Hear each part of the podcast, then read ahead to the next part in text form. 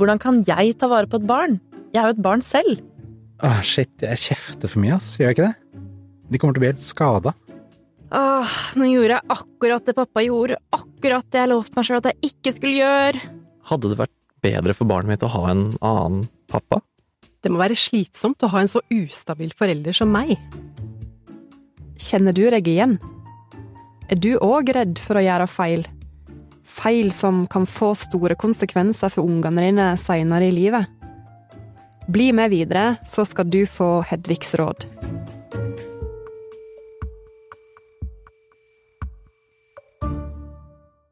Du hører nå på Foreldrekoden fra Aftenposten. Her i studio sitter jeg, Amalie Læring, sammen med vår psykolog Hedvig Montgomery. Og i dag så skal vi snakke om frykten for å fucke opp ungene våre. Eh, og da har du noen gode nyheter, Hedvig. Så fort du har stilt deg selv spørsmålet har jeg fucka opp ungene mine helt nå, så er det et kjempebra tidspunkt. Fordi da har du muligheten til å begynne å gjøre ting som er skikkelig bra. Det er rett og slett et punkt for egenutvikling. Og den muligheten, den skal vi snakke mer om eh, i denne episoden. Men før det, går det an å si noe om hvor vanlige sånne tanker om å fucke opp ungene sine er? Jeg vil jo tro at når vi gjør noe som er så viktig for oss, som å oppdra barna våre, og tenke på det, altså hva er det for noe, den ene tingen du virkelig har lyst til å få til her i livet, så tror jeg de aller fleste av oss som har fått barn, har et ganske samstemt svar på det. Det er at det skal gå bra med barna mine. Det er det aller viktigste av alt i hele verden. Og når noen ting er så viktig, da er det klart, da er det også risiko. Og så skal vi leve sammen 24 timer i døgnet bortimot, veldig mange dager i uka, veldig mange år. I gode og i dårlige dager, i perioder hvor du har god råd, i perioder hvor du går på stumpene løs, i perioder hvor du har masse energi, og i perioder hvor du føler deg bitte liten. Et eller annet sted her så kommer du til å si ting, gjøre ting, ikke være deg på ditt beste i det hele tatt, og da er det faktisk bra at dette spørsmålet kommer opp.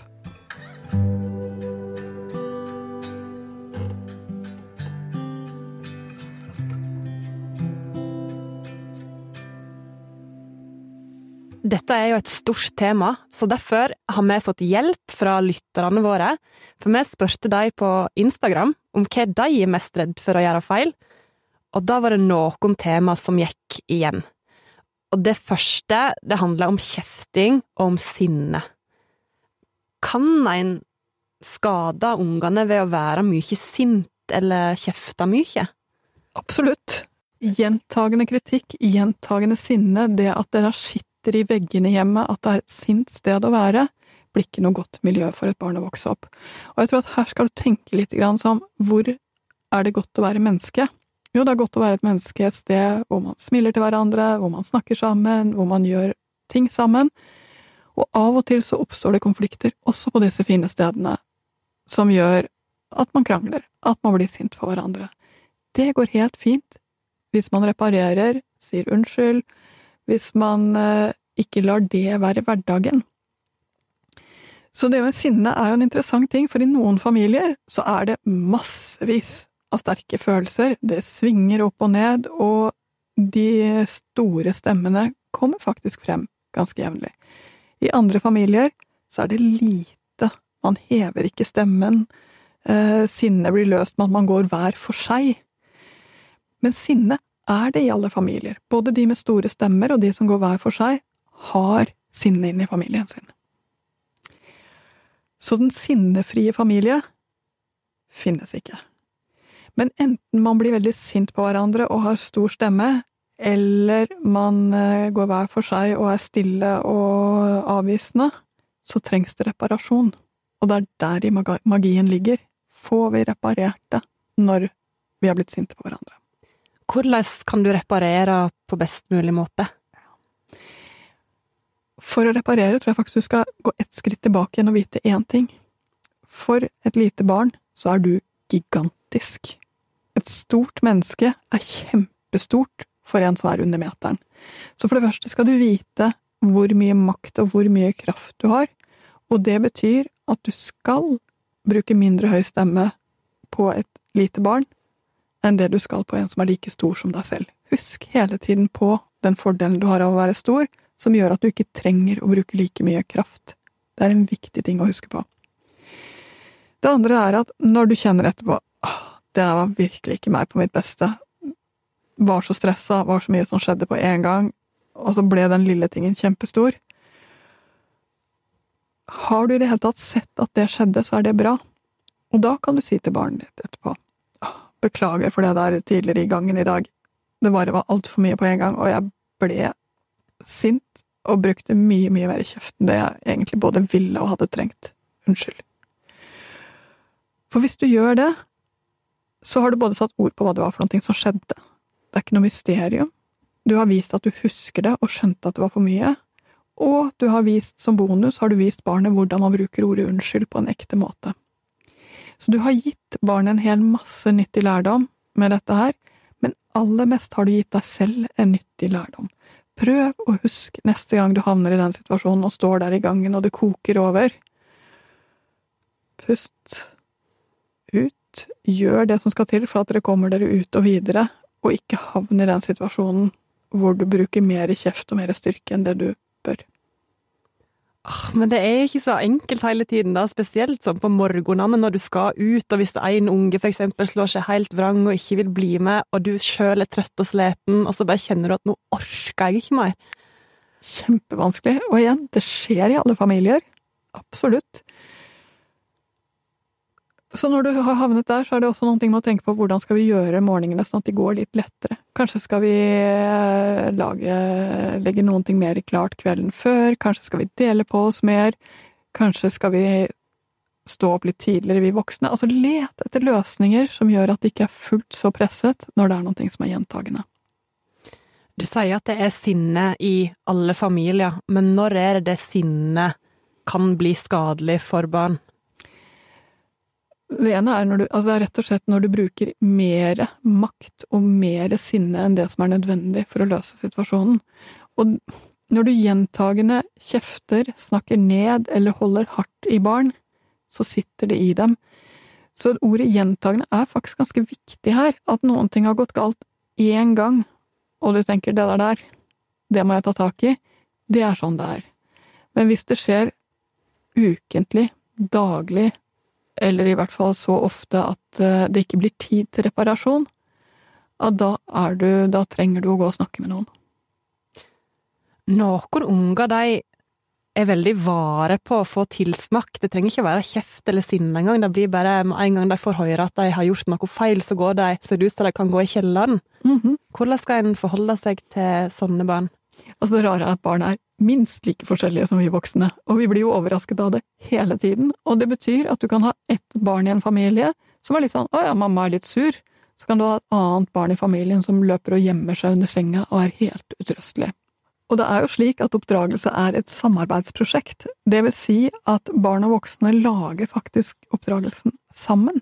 Så du må tilpasse deg de barna du har fått. Har du fått et barn som er mer eh, forsiktig av seg, så må du huske på det. Her trenger du ikke å dra på noe særlig. Eh, har du fått et barn som løper og gjemmer seg, så skal du vite det.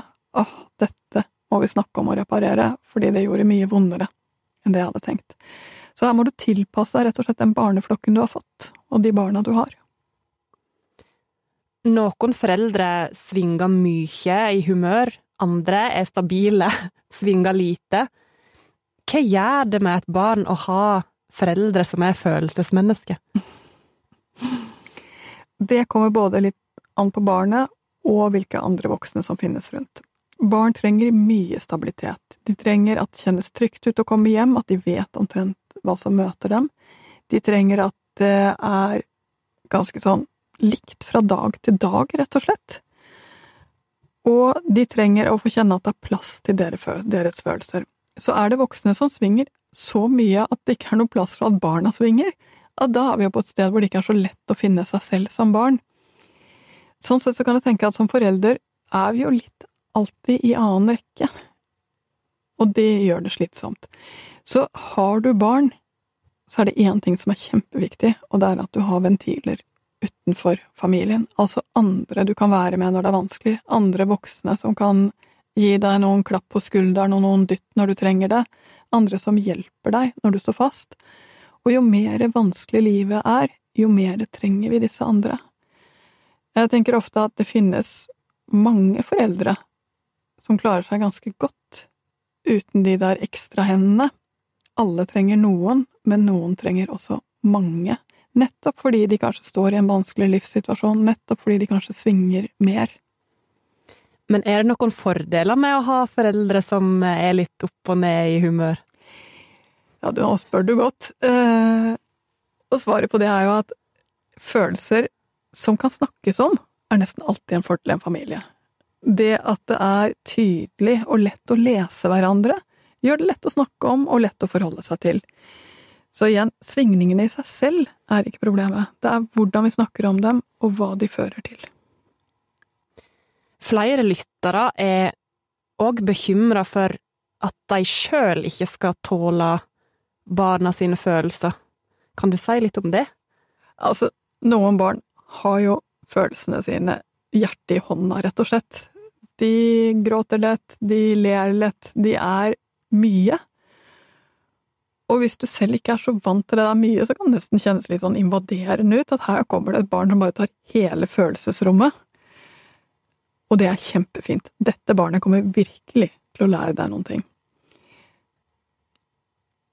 En av, et av grunnprinsippene når du oppdrar barn, det er å ikke forby følelser. Det vil si, alle følelser er der av en grunn, og trenger å finne sin form og sitt uttrykk i et barn for at de skal ha det godt som voksne. Den største utfordringen når du har barn som har mye følelser, det er når du begynner å si ting som nei, så sint går det faktisk ikke an å bli, så sint får du ikke lov til å bli, eller all denne sutringen, jeg orker ikke mer av denne sutringen, eller åh, ja, nå gråter du igjen, ja, jeg vet faktisk ikke hva jeg skal gjøre for noe med det. Altså, når du viser frem din hjelpeløshet i møte med følelser, og til og med da prøver å få dem vekk ved å si at det ikke er lov, da gjør du noen ting som ikke er spesielt nyttig for barnet. Så har du et barn med store følelser, skal du vite at det ene er at det blir i hvert fall aldri kjedelig med de barna. Prøv å se det der som gjør at det er noe fint i det også. Og vit at når de får lov til å reagere, og så få hjelp etterpå til å snakke gjennom det, eller til å finne roen igjen, så kommer de til å være mindre voldsomme neste gang. Det går seg til, fordi de tilpasser seg jo det hjemmet som er, og de tilpasser seg det samfunnet som er. Det er bare at barn er i en lærefase, og noe av det nesten hele barndommen handler på om, det er å lære seg å kontrollere egne følelser. Det tar i beste fall noe sånt som 20 år. Så de bruker veldig lang tid på dette her med å få følelsene sine til å passe inn med det samfunnet de lever i, til å passe inn i den gruppen de er i, til å passe inn i klassen, til å passe inn i vennegruppen, til å passe inn i familien. Vi må ha tålmodigheten med det.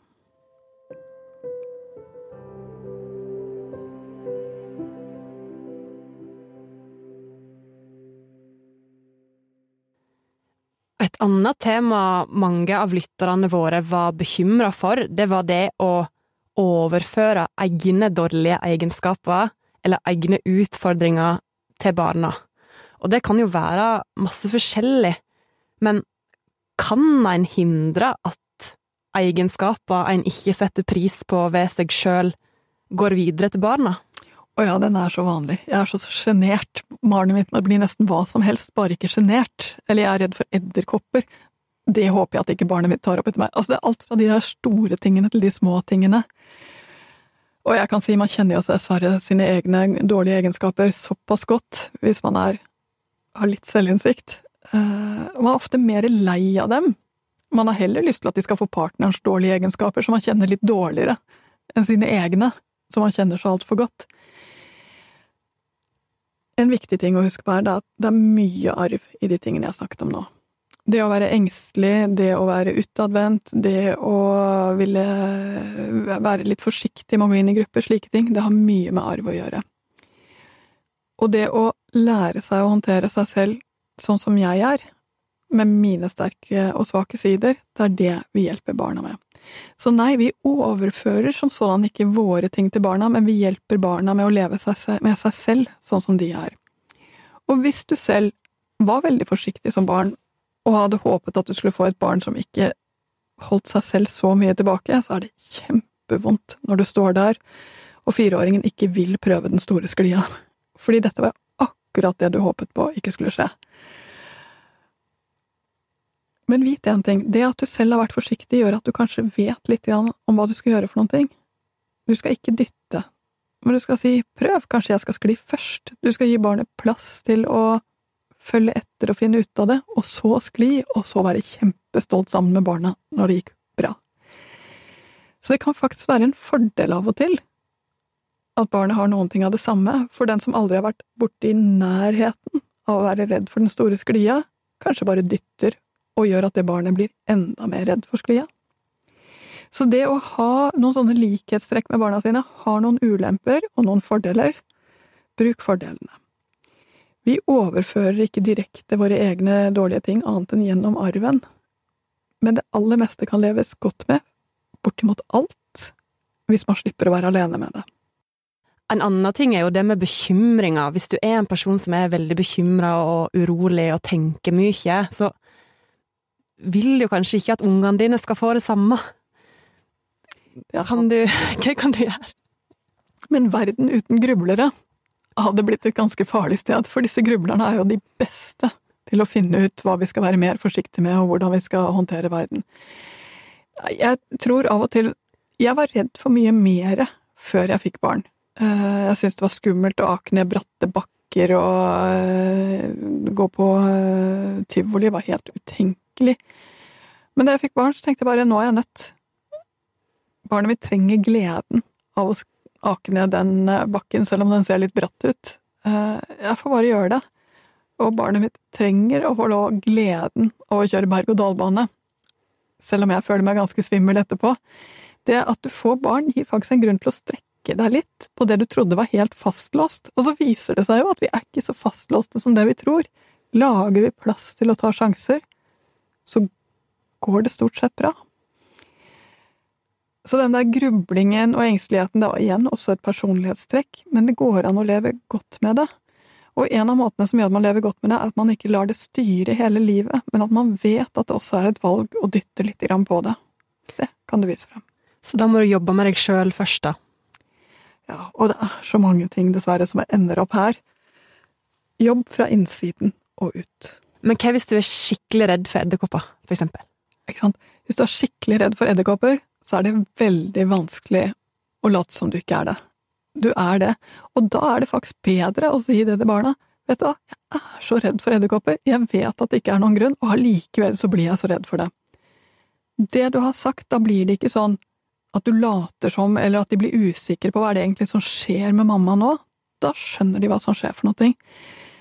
Så det er faktisk bedre å si sånn er jeg, og det går det også an å leve med. Kanskje ikke det smarteste, kanskje finnes det enda bedre måter. En dag skal jeg kanskje kvitte meg med den edderkoppangsten. Da har du laget noen ting som barn både kan forstå, forholde seg til, og som lager plass til dem, sånn at de slipper å bli fanget i den der usikkerheten som er når de ikke skjønner hva som skjer i rommet.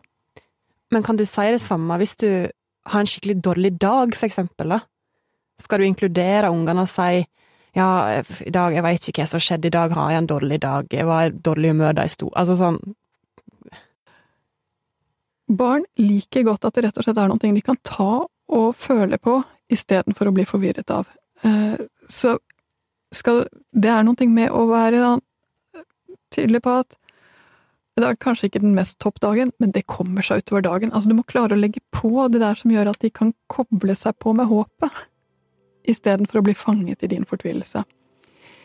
Så du har en jobb å gjøre både med å skjønne at oi, nå er det dette som kommer, si noe om det, og så hjelpe både deg selv og barnet videre med det. Ikke late som ingenting. Ikke late som ingenting.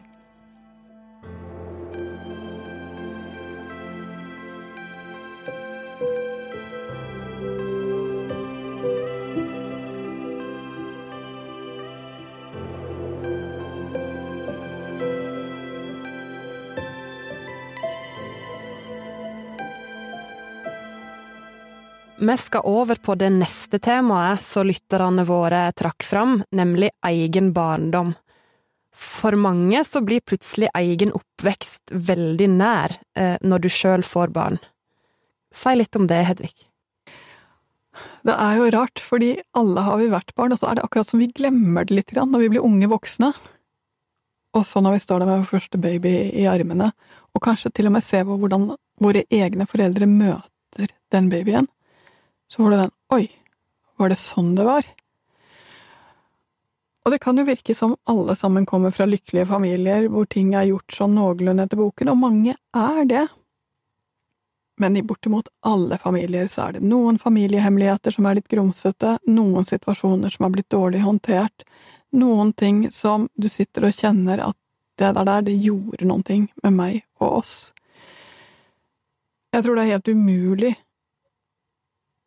å være menneske og komme ut uskrapet og uberørt. På et eller annet vis så er det å lære seg å komme forbi ubehaget, komme forbi det som er vanskelig, lage seg et liv som er best mulig, er på mange måter menneskets store utfordring. Kanskje har du glemt hvor mye som var bulk og vanskelig da du var barn, helt til du står der med et eget barn. Og du tenker på alt du skal gjøre annerledes. Og så aner du ikke hvordan du skal gjøre det annerledes, for det har du jo ikke vært med på selv. Dette tror jeg er mye, mye, mye mer vanlig enn det vi tror, men det er jo ikke akkurat det man sitter og snakker om på puben, eller snakker om eh, på arbeidsplassen. Stort sett så prøver vi jo å vise frem våre gode sider for andre, og derfor så går vi glipp av å se hvor mange av oss som egentlig sitter med samme erfaring. Men hva kan du gjøre for å ta tak i det, da? Jeg tenker jo av og til at det å få barn gir deg en mulighet til å stoppe opp, reflektere over eget liv og faktisk bli en bedre utgave av deg selv. Barna gir deg en ny mulighet, for det føles kanskje ikke så mye vits i å gjøre det når ting går sånn noenlunde bra og du slipper å forholde deg til alt det som var. Når du får barn, så kan du ikke det. Du er nødt til å forholde deg til alt det som var.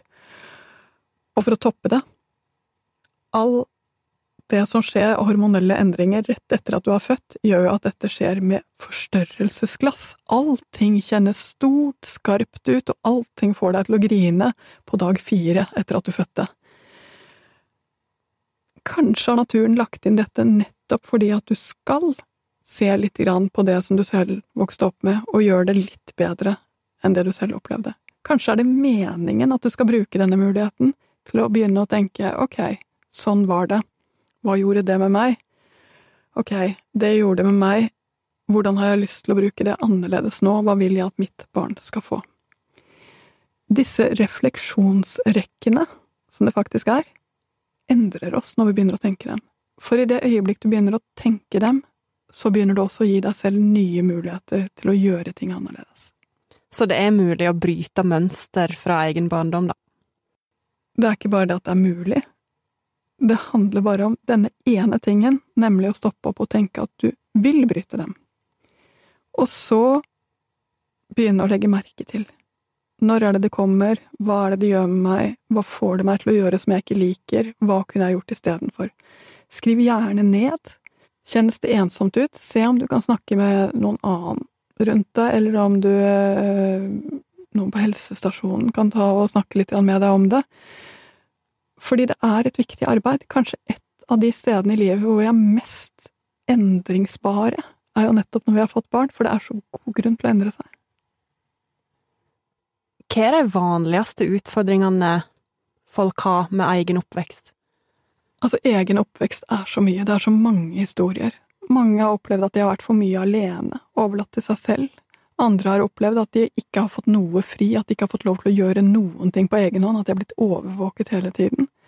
Noen har fått så mye kjeft at de aldri har fått troen helt på seg selv. Andre har vært utsatt for overgrep og har ikke kjent at de har kunnet forsvare sin egen kropp. Noen har uh, følt at de har vært uviktige inn i familien, at alle andre har betydd mer. Andre føler at de har hatt strålekasterlyset på seg hele tiden og til slutt var nødt til å mislykkes fordi eh, det ble altfor høyt å hoppe. Jeg tror det finnes like mange litt såre opplevelser fra ungdommen som det finnes oppvekster omtrent. Alle familier har sitt. Og så er det også rart, fordi når en søskenflokk begynner å snakke om hvordan var det egentlig, så viser det seg ofte at de sitter med ganske forskjellige historier, selv om de har vokst opp med samme foreldre, selv om de har vokst opp i samme familier. Fordi alt dette siles gjennom forskjellige epoker i familien, gjennom forskjellig forståelse av det som har skjedd, gjennom forskjellig alder og bare forskjellig personlighet. Så finstemt og så vanskelig er det. Det at det er så mye forskjellig, er kanskje noe av det som gjør det fint, fordi når du treffer en partner og får barn med noen, så har den noen ofte med seg andre flekker, andre sår, andre ting som trengs å eh, være litt varsom med. Og det gjør at man utfyller hverandre.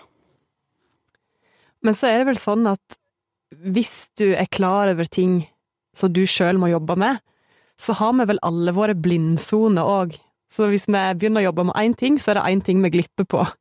Eh, må vi bare akseptere at vi kommer til å gjøre masse feil?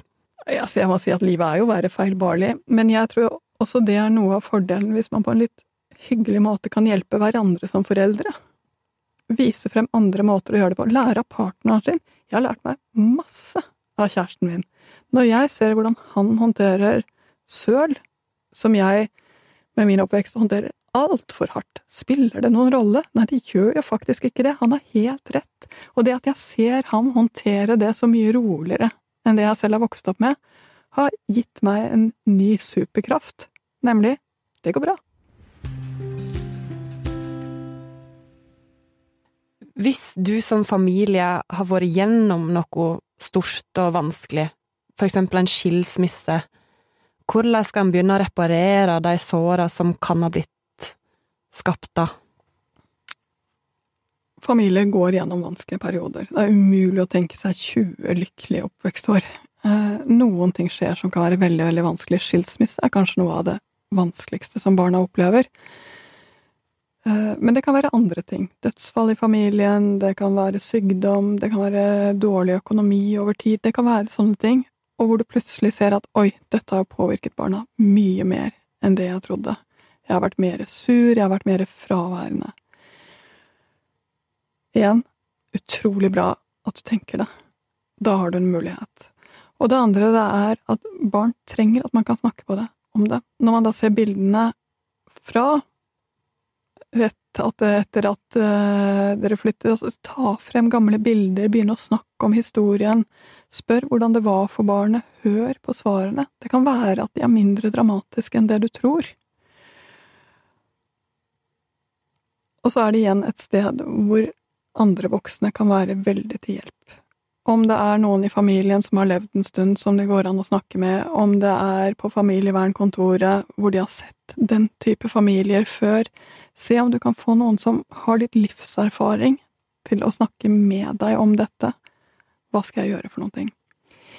Men det som er så rart med barn og vanskelige perioder, det er at når de har språk for det, når de vet at ja, men i den perioden var det sånn, så får de en helt annen trygghet.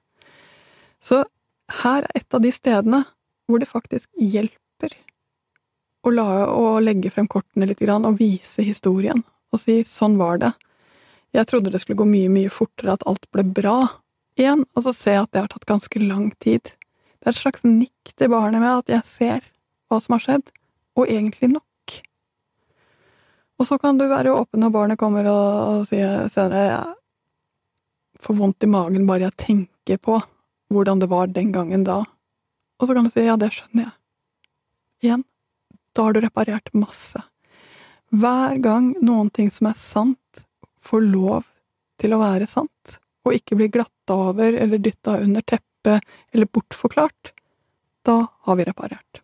For det er sikkert mange som Det er veldig lett å ta den at du vil skyve det litt vekk, men det er ikke lurt. Nei, så farlig var det vel ikke. Nei, så lenge var det vel ikke. Lett å si det, men da har du ikke reparert noen ting. Men du sier ja, jeg ser den, skjønner at det kjennes lenge ut, så har du reparert. Men så har du de barna som det kan se ut som at alt går bra etter de har vært gjennom noe. De klarer seg bra på skolen, for eksempel, eller er gode i idrett. Skal en da, hvordan skal en forholde seg til de barna Altså, det som er så rart, det er at når det har skjedd noe ordentlig vanskelig i en familie, så vil det stort sett være slik at halvparten av barna reagerer med å ta det utover. Bli mer sinte, øh, bli mer ja, bli mer problem, da. Mens andre halvparten vil løse det med å bli altfor snille. Strekke seg så utrolig langt for at alt skal se bra ut. Begge delene er kanskje like skadelig, eller kanskje til og med det er verst å være den som blir veldig snill og bare biter det i seg. Med de som blir veldig greie, så tror jeg vi må huske at vi aldri skal overbruke det at de blir greie. Vi skal gi dem slack, vi skal gi dem eh, en klapp på skulderen og si trenger ikke å gjøre allting helt perfekt. Gi dem en slack ved å uh, si jeg skjønner med alt de var igjennom, at det å få allting helt riktig nå høres ut som en god idé, men det er aldri en god idé å gjøre allting riktig. Alle trenger å være midt på treet innimellom. Gi dem liksom en plass til at perfeksjon ikke er løsningen, og også en forståelse for at livet deres henger i hop. For barn trenger at vi kan bære deres historie, at noen husker fra da de var mindre, at noen husker at de har vært syke, eller noen husker at det skjedde en bilulykke. For de andre voksne rundt barnet får ikke med seg historien, de ser barnet som øyeblikksbilder, det kommer inn som en fiks ferdig seksåring i klassen eller en fiks ferdig trettenåring på ungdomsskolen. Men barn trenger at noen husker hele livet deres, og der er foreldre i en helt egen stilling.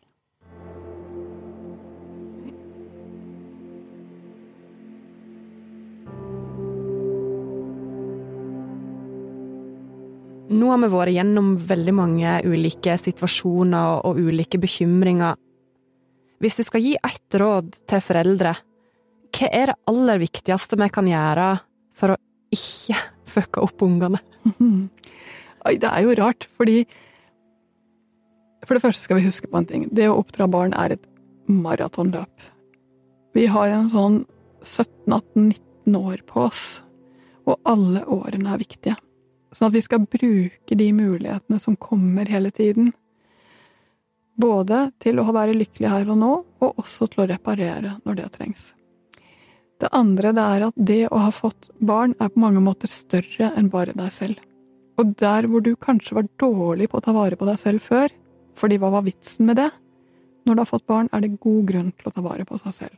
Det er god grunn til å ringe til banken når du ikke klarer å betale, fordi du trenger å gjøre det for ungene dine.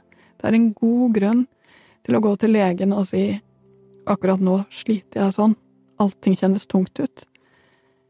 Du hadde kanskje ikke klart det uten at du hadde barna, fordi da bare bet du deg i deg. Men når du har barn, så gjør du det alltid for noen ting, for flere enn deg selv. Og refleksjon er viktig òg. Det å tenke om og la livet henge sammen, er det som gir livet mening.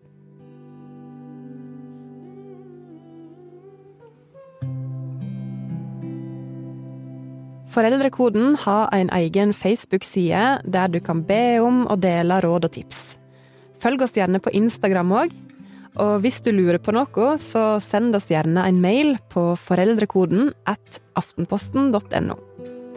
Foreldrekoden er ellers laga av meg, Amalie Læring, og produsent Fride Nesten Onsdag. Ansvarlig redaktør er Trina Eilertsen.